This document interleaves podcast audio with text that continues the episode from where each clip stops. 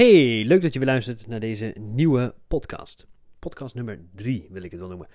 In de eerste podcast hebben we het gehad over, ja, over mij. En dat gaan we voorlopig even niet doen. In de tweede ging het over die synergie tussen politiek en marketing. Deze aflevering wil ik het hebben over eigenlijk gewoon weer een achtergrond over het concept politieke marketing. Ja, want de naam van het concept klinkt heel eenvoudig en dat is het in wezen ook, want het, het, het doet al heel sterk vermoeden waar het toe dient te leiden. Een vercommercialisering van het lands politieke proces.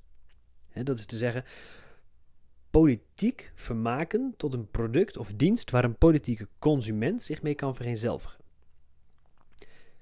De eerste theorie over politieke marketing ontstonden rond een tijd dat de maatschappij ingrijpende vernieuwing aan het realiseren was, als gevolg van een geleidelijke ontzuiling, zo aan het begin van de jaren 70. De burger ontwikkelde een ja, een heel moderne zienswijze op leven, leed en politiek. Politici, partij en partijtop dienden daarop voortbordurend een, bijpassende aanpak van het lands politiek proces te ontwikkelen. En weliswaar liep dat iets wat achter de feiten aan, maar de lijn van de commercie en het consumentisme werd, werd, in zekere mate wel gevolgd. Dat gaf op zijn beurt gestalte aan een, een hele moderne benadering van het inspireren tot, tot electoraal engagement bij de kiezer. En dat is een hele interessante term waar ik later nog op terug ga komen. De politieke marketing was in ieder geval geboren.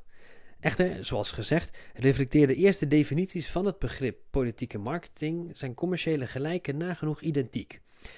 Deze theorieën hadden dan ook een sterk transactioneel karakter. Een, kiezer zou zijn steun uitspreken voor een partij om zo zijn of haar politieke wensen te bevredigen. een hele simpele uitraal. Eh, zo de commerciële marketingprincipes evolueerden, zo ontwikkelde ook de politieke marketing als subgenre, als, als, als eigen identiteit, als, als filosofie. Het, het, evolueerde vanuit een heel transactioneel verleden naar een meer relationele verbindenis tussen producent enerzijds en afnemer anderzijds.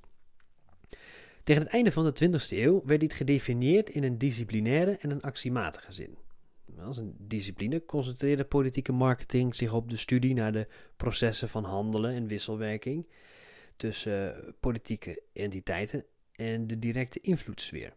In een axiematige zin legde het zich toe op het accuraat positioneren van het politieke product te midden van de concurrenten op de markt.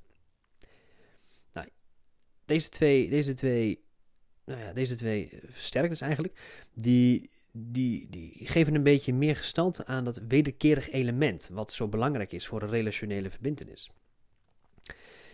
Nou, de ontwikkelingsgang van politieke marketing in de disciplinaire zin benadrukt de essentiële en wel overwogen onderbouwing van het strategisch uitgangspunt van een politieke partij. En uitgangspunt bekrachtigd door de kennis van de directe invloedssfeer en de kruisbestuiving van idealen, zo wil ik het het liefst noemen. Kruisbestuiving van idealen, want zo zien we dat tussen politieke partijen onderling, maar ook tussen kiezer en politicus. Een kruisbestuiving van idealen, want zoveel idealen, dat is, nou ja, ideaal, zo zullen we maar zeggen. Want hoe meer ideeën, hoe meer vreugd, zeggen ze altijd. Die strategische fundering dient als blauwdruk en wordt dan zodanig vormgegeven tot een waardepropositie. Een propositie samengesteld uit een synergistisch concept van een spurt of een een, een, een beweging of een motie voorwaarts, eh, wat vervolgens wordt afgewogen tegen wensen en noodzakelijkheden van het dagelijks leven van u en van mij.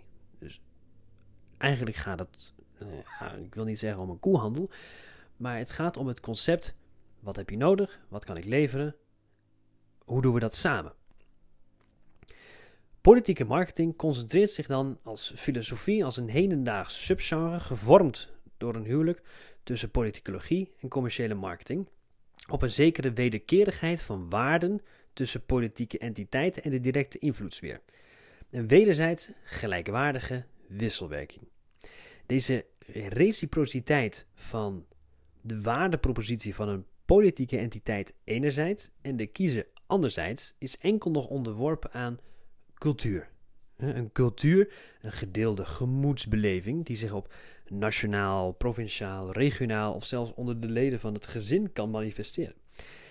Deze collectieve beleving bepaalt namelijk in grote mate de effectiviteit waarmee de wisselwerking van waarden door middel van politieke reclame en dergelijke gebeurt. Een vitaal onderdeel van de politieke marketingstrategie.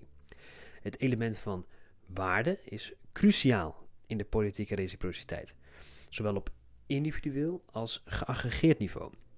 Echter, dat geeft totaal nog niet helder weer wat die propositie, die waardepropositie van politieke partijen dan indient te houden. Een vraag voor een andere keer, waar ik later dus op terug zal komen. Maakt u zich geen zorgen, blijf bij de radio en tot snel.